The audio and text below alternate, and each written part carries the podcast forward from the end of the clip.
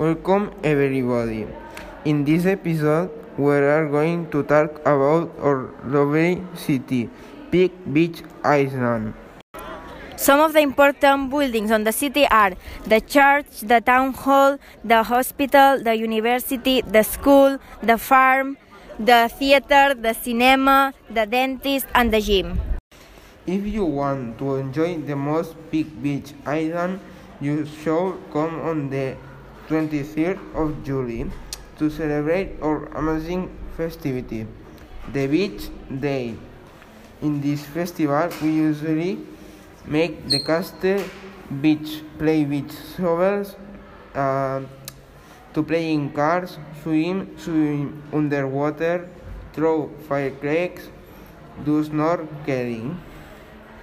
And it's very typical to eat typical food from puree, spaghetti salmon, sushi of crab, and typical drink coconut water, piña colada, and fruit shake.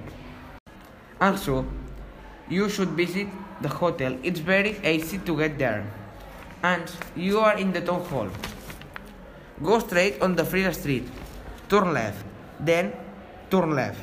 On the traffic lights, go straight, and you will see the hotel at the corner. Uh, the bakery. To reach to the bakery, go straight on the Free Street. Then you turn right, and next to the butchers, there is the bakery. If we were mayors, what we would do improve the sustainability of the island would be do the following proposal. The first one would be put more trashers to recycle better. The second would be reduce the bottles of plastic and change them for a glass bottles. The third would be plant more variety of trees and plants. The fourth would be buy more public transport for the inhabitants and promote the electric vehicles. The sixth would be create a fund of vegetable food for inhabitants. The seventh would be put solar panels on every energy center. The eighth would be increase the local trade. The ninth would be recycle the consumption of water and clean the beaches on time every week. And finish the eleventh would be to help not wasting a lot of light bulbs, we would change them for a solar panels that collect energy from the sun and at night use the done energy to listen up the lanterns. In our political program, the things we want to do to improve the quality of the city are if you vote us, we will improve the schools buying more books. If you vote us, we will improve the supermarket buying ecological products. If you vote us, we will prioritize the people of the island. If you vote us, we will renew the port.